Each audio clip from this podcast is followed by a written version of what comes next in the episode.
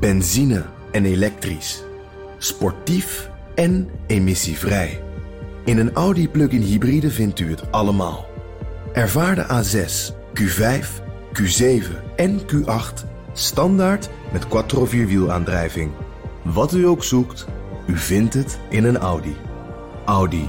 Voorsprong door techniek.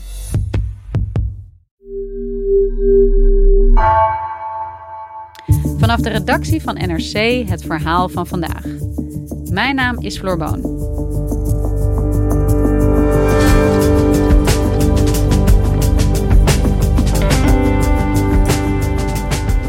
Door een politieke deal ontving Stichting Siris de afgelopen jaren 8 miljoen euro subsidie uit de staatskas. Oneerlijk, zeggen andere stichtingen die ook ongewenst zwangere vrouwen helpen. Een beslissing bovendien die tegen de wet ingaat, zeggen ambtenaren op het ministerie van Volksgezondheid. Onderzoeksredacteur Dirk Stokmans zocht uit hoe dat kon gebeuren.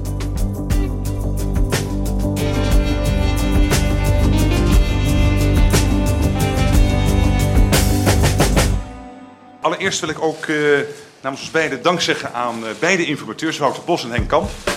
Er is in, uh, in hoog tempo gewerkt. jullie hebben de leiding krachtdadig in hand genomen. Het was een plezier in de afgelopen weken. Het was ingewikkeld. We moesten natuurlijk flink onderhandelen.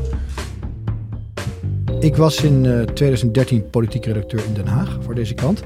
Het waren best spannende tijden. Um, er was net een verkiezing geweest waar VVD en PvdA als grootste uit waren gekomen. En toen is in recordtijd een kabinet gesmeten tussen PvdA-leider Diederik Samson en Mark Rutte. Uh, dames en heren, de partijen die hier staan zijn heel verschillend. Maar het feit is wel dat bij de afgelopen verkiezingen deze twee partijen de grootste zijn geworden. En de kiezer daarmee heeft gezegd, u zult met elkaar het moeten doen. Uh, dat werd Rutte 2. En van echte vreugde over zo'n akkoord kun je dan ook niet spreken. Want we zullen van iedereen offers moeten vragen in de komende jaren. En dat is nodig omdat ons land nog steeds op de grote voet leeft. En wat we nu moeten doen is ervoor zorgen dat de overheidsfinanciën in lijn worden gebracht met die economische groei.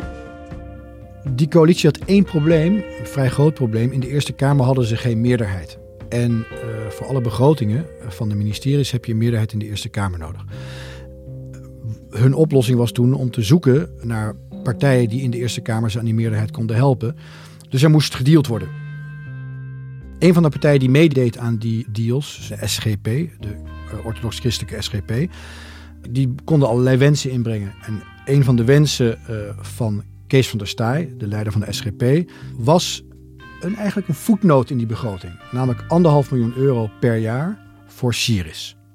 PvdA en VVD gaan akkoord met die wens. Het is deel van de prijs die Van der Staaij vraagt voor zijn steun in de Eerste Kamer.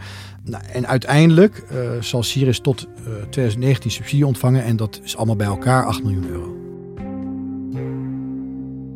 Oké, dus er ontvangt een bepaalde stichting geld uh, op verzoek van de SGP. En deze stichting heet Siris. Kun je me daar iets meer over vertellen? Siris is een relatief kleine uh, organisatie die uh, hulp geeft aan vrouwen die onbedoeld zwanger raken. Dat doen ze op drie manieren. Ze hebben een opvanghuis in Gouda, waar zwangere vrouwen kunnen wonen als ze zelf geen onderdak hebben. Ze geven uh, advies aan vrouwen die worstelen, twijfelen of nadenken over de keuze: wil ik uh, een kindje krijgen of wil ik abortus plegen? En zelf ehm, heeft het mij ook erg aangesproken. Ik ben eens bij een opvanghuis geweest. Dat een van de vrouwen, jonge vrouwen, die ervoor gekozen had zwangerschap uit te dragen, bepaalt geen SGP'er zei: waarom is het in Nederland zo dat als je voor een abortus kiest, dat alles van een leien dakje gaat, maar als je wil uitdragen, dat het dan vaak heel moeilijk is om steun te krijgen? Nou, die steun geeft Sirius wel en dat is ja. winst. Als ik aan Kees van der Staaij denk en zijn SGP, dan denk ik wel aan een bepaalde kleur uh, als we het hebben over uh, geboortezorg en ook over abortus. Um, is dit ook een anti-abortusclub?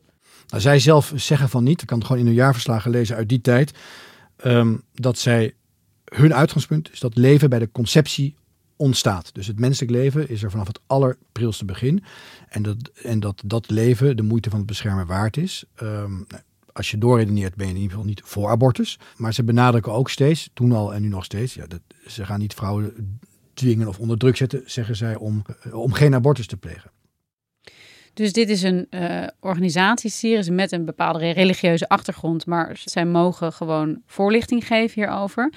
Uh, maar zij ontvangen dus als één organisatie direct geld uit de rijksbegroting. Is dat uh, gebruikelijk? Nou ja, er zijn allerlei ehm, organisaties die dat krijgen. Je hebt subsidies voor grote instellingen, noem het Rijksmuseum bijvoorbeeld. Maar wat Syrisch bijzonder maakt, of subsidie aan Syrisch, dat zijn twee dingen. Het is niet heel gebruikelijk dat er als deel van een politieke deal wordt gezegd: ik wil dat die club geld krijgt, meestal.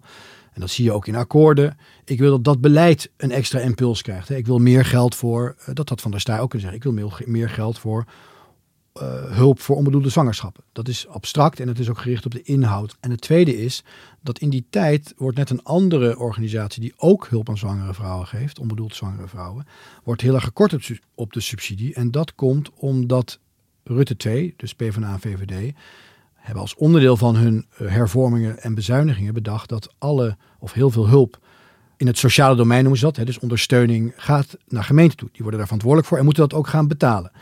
En dan is het heel gek dat er één organisatie daarvan uitgezonderd wordt en nog steeds geld direct krijgt van het ministerie voor iets wat eigenlijk de gemeentelijke verantwoordelijkheid is. Maar dat klinkt ook wel heel oneerlijk eigenlijk. Dat dus één uh, organisatie veel geld krijgt, vijf jaar lang. Oplopend tot, zoals je eerder zei, 8 miljoen euro in totaal. Uh, en ook terwijl dit dus heel ongebruikelijk is, hoe kan het dat die, de Syrisch dit ook blijft ontvangen? Ja, nou ja, er, er is een politieke deal. Hè? Dus het is democratisch besloten. Uh, uh, maar het wordt in ieder geval door andere partijen in het veld ook wel als oneerlijk gezien. Op het ministerie zelf ontstaan daar ook twijfels over, al vrij snel. Ambtenaren zeggen van ja, het is wel een beetje raar dat we nou één, één club eruit pikken en die opeens een zak geld geven. De verantwoordelijke staatssecretaris Martin van Rijn van de PvdA dan nog. Die heeft ook een gesprek op een gegeven moment met Kees van der Staaij. Van joh, kunnen we niet wat algemene invullen, die zak geld? Kunnen we dat niet gewoon ja, aan het doel geven? Niet aan een, hè, het doel namelijk hulp aan uh, zwangere vrouwen. En niet aan een club. En dan zegt Van der Staaij nee, het moet naar Syrisch in de contacten tussen ambtenaren en de directeur van Siris, uh, die steeds die subsidieaanvragen doet, gaat de discussie ook voornamelijk over: joh, waarom heb je zoveel geld nodig voor wat je doet? Um, kloppen die posten wel? Een klein voorbeeld is dat op een gegeven moment in de subsidieaanvraag zit ook de leaseauto van de directeur. En dan zeggen ze, dat is niet subsidiabel. En dan wordt er gezegd, nou dan, dan smeren wij die overheadkosten, want dat valt daaronder, die smeren we dan uit over de wel subsidiabele kosten. Dus er wordt steeds net zo lang doorgepraat tot die anderhalf miljoen subsidie in ieder geval hun kant op kan komen. Maar telkens blijven ambtenaren eraan haken dat als ze kijken naar andere organisaties die vergelijkbare werkzaamheden doen, Sirius echt heel veel duurder is. Een van de dingen waar een overheid voor moet oppassen is het bevoordelen van ondernemingen. Uh, want het idee is, je hebt belastinggeld, hè, dat wordt door iedereen opgebracht en dat moet eerlijk worden verdeeld. En in dit geval denken ambtenaren van ja, dit is niet een eerlijke verdeling van dat belastinggeld. Andere partijen die hetzelfde doen, worden niet zo behandeld als Sirius. Uh, en het is uh, op kosten van de staat, staatssteun. En het is in dit geval, zeggen ze al vrij snel ook tegen Van Rijn, dus onrechtmatig. We moeten dat niet willen ambtenaren zelf zijn kritisch. Die uh, zijn intern trekkers aan de bel, maar toch gaat die steun door. Ja, ja, zo gaat dat. Het is, het is een politieke deal. Um, uh, je moet je ook voorstellen, het is deel van een afspraak over miljarden. Dit is, dit is geen eens uh, ver achter de nul zit dit in dat verband. Dus eigenlijk is, kan je zeggen, voor het grotere goed, namelijk een sluitende rijksbegroting waar veel bezuinigingen zitten in een hele onzekere tijd, is dit een bagatel. Ik sprak met een van die Kamerleden, Lea Bouwmeester. En die zegt van ja, wij moesten dat gewoon, dat amendement steunen en ondertekenen. En dat heb ik gewoon gedaan en je denkt er verder niet over na. Want, zegt ze, ik moest, je, hebt, je hebt altijd te weinig tijd. Je besteedt je energie en tijd liever aan dingen waar je wat aan kan veranderen. En dit was gewoon niet te veranderen, want dit was gewoon een van de fundamenten van dat hele akkoord.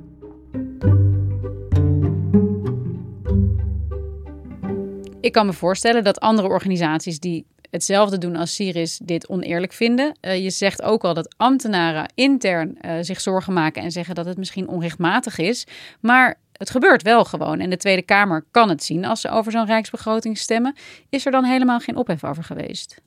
Nou, in de tijd 2013, eind 2013, is er eigenlijk nauwelijks discussie over. En zeker niet over of het onrechtmatig is of niet. En ook eigenlijk niet over of het wel naar een club moet gaan met die ideologische achtergrond.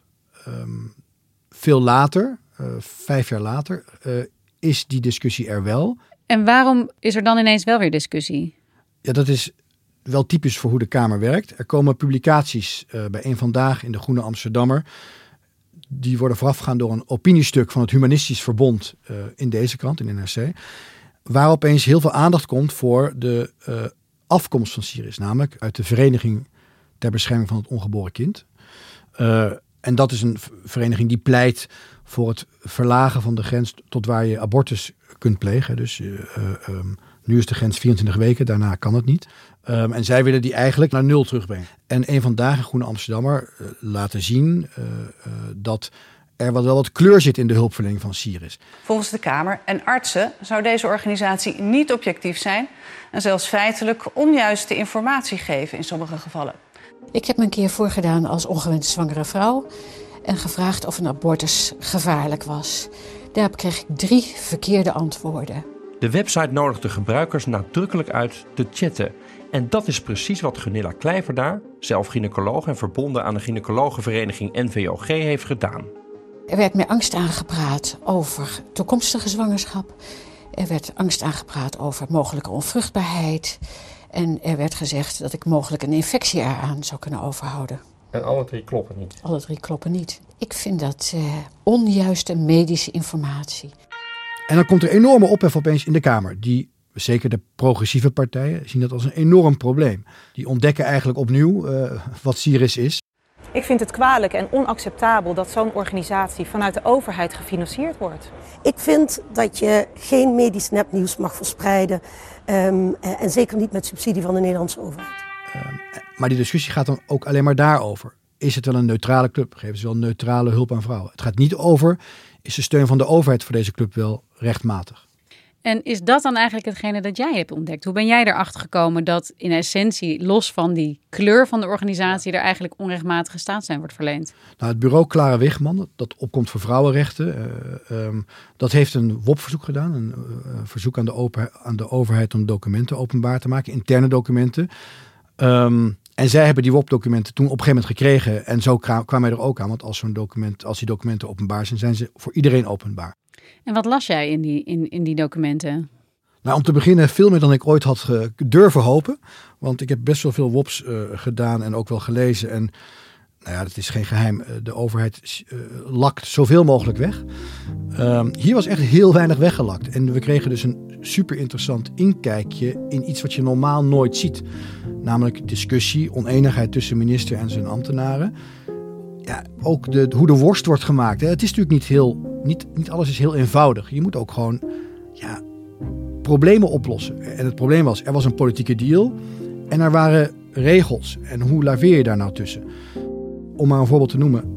Uh, een van de redenen om dingen weg te lakken is dat het om, om een persoonlijke beleidsopvatting van een ambtenaar gaat. Dus wat vindt de ambtenaar er eigenlijk van? Nou, dat wordt heel ruim ingezet om ook allemaal dingen weg te lakken uh, die helemaal niet gaan over de persoonlijke mening van de ambtenaar. Maar hier zag je dat wel degelijk hele persoonlijke meningen van ambtenaren uitgebreid aan ons werden tentoongesteld. Ik vond het prachtig, omdat ik nieuwsgierig ben naar hoe het van binnen werkt. Dat is ons vak. Um, maar dat gaf ook, uh, uh, ja, dat was het fundament van het verhaal wat we nu bespreken. En waarom was daar dan ineens zoveel openheid, denk je?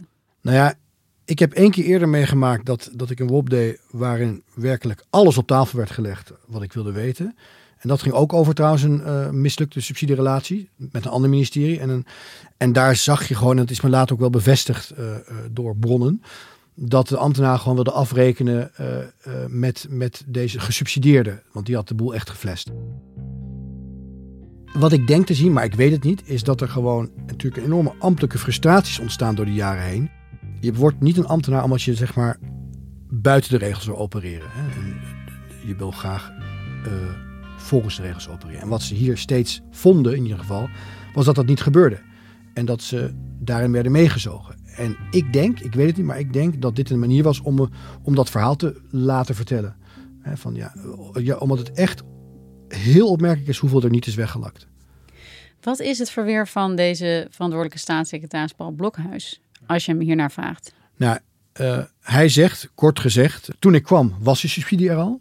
Ik heb hem uh, uh, stopgezet, maar wel op een manier die bestuurlijk behoorlijk is. Die Syrië de tijd en de ruimte geeft om zichzelf daarnaar te voegen.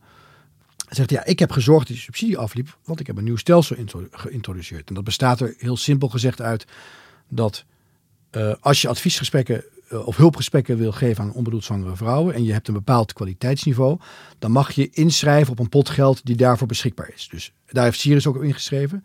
Die zijn er ook voor aangenomen. Maar er zijn ook andere partijen die dat doen. Uh, dus het is in die zin eerlijk. Hè? Dus er is, een, zoals dat vaker gaat, er is geld. En als je voldoet aan de voorwaarden, mag je met dat geld iets doen. En wat zegt Siris? Nou, zij zeggen, wij uh, geloven heel erg in wat we doen. Wij ondersteunen die vrouwen op een eerlijke manier. Dus ook als je abortus wil, praten we met je. Um, ja, en wij vochten voor onze organisatie. Wij, wij zagen het einde van die subsidie aankomen. En wij wilden niet verdwijnen. Dus we hebben gewoon alles gedaan wat we konden om, ja, om toch een plek te krijgen in dat door het Rijk uh, ondersteunende nieuwe stelsel. En vanuit hun perspectief is dat ook heel logisch. Je hoeft niet jezelf zeg maar, op te heffen omdat een ander vindt dat je uh, ergens niet bij hoort.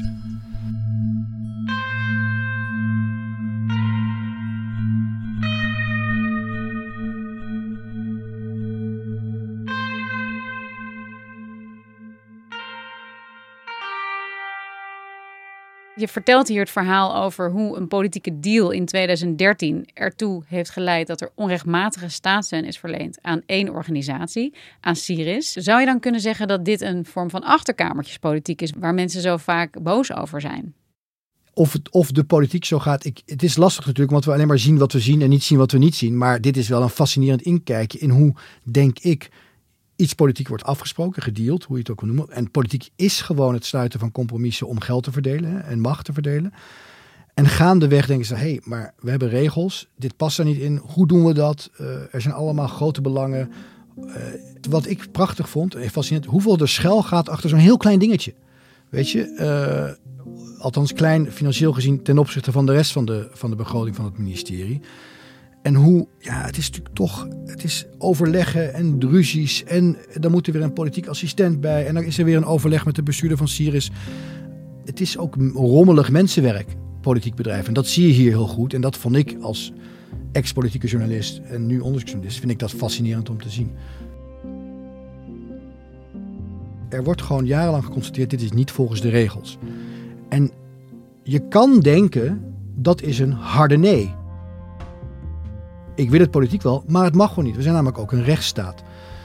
En wat mij zo interesseert is dat het als een soort probleem is wat gemanaged moet worden. Dat je de wet overtreedt. En denk je, Dirk, dat met de publicatie van jouw verhaal... dat er dan misschien ook nog iets gaat veranderen nu? Iemand als Lea Bouwmeester, het Kamerlid wat het amendement eigenlijk ongezien steunde... zegt nu van ja, als ik meer had geweten, had ik een andere afweging gemaakt. Aan de andere kant de omstandigheden die geleid hebben uh, tot hoe het is gegaan in dit verhaal, zijn eigenlijk in veel hevigere mate aanwezig dan toen. Er is meer politieke versplintering. De hysterie in de Kamer en daarbuiten trouwens is toegenomen.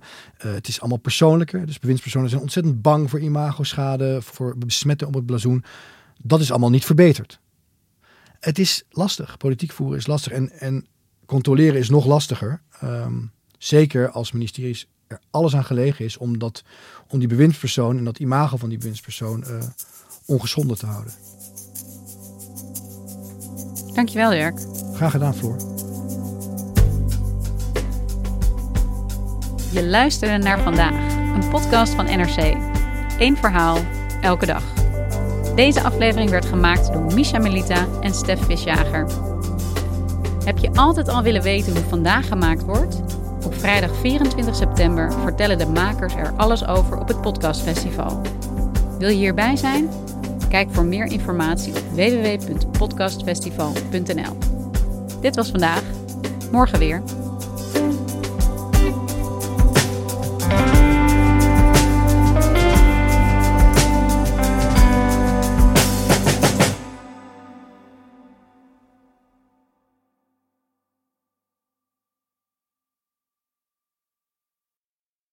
Je hebt aardig wat vermogen opgebouwd. En daar zit je dan, met je ton op de bank. Wel een beetje saai, hè?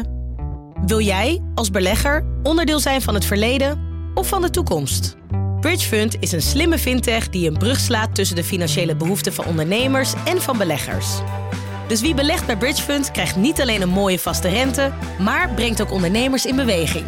Echt waar, met die ton kan je zoveel betere dingen doen. Bridge Fund. Make money smile.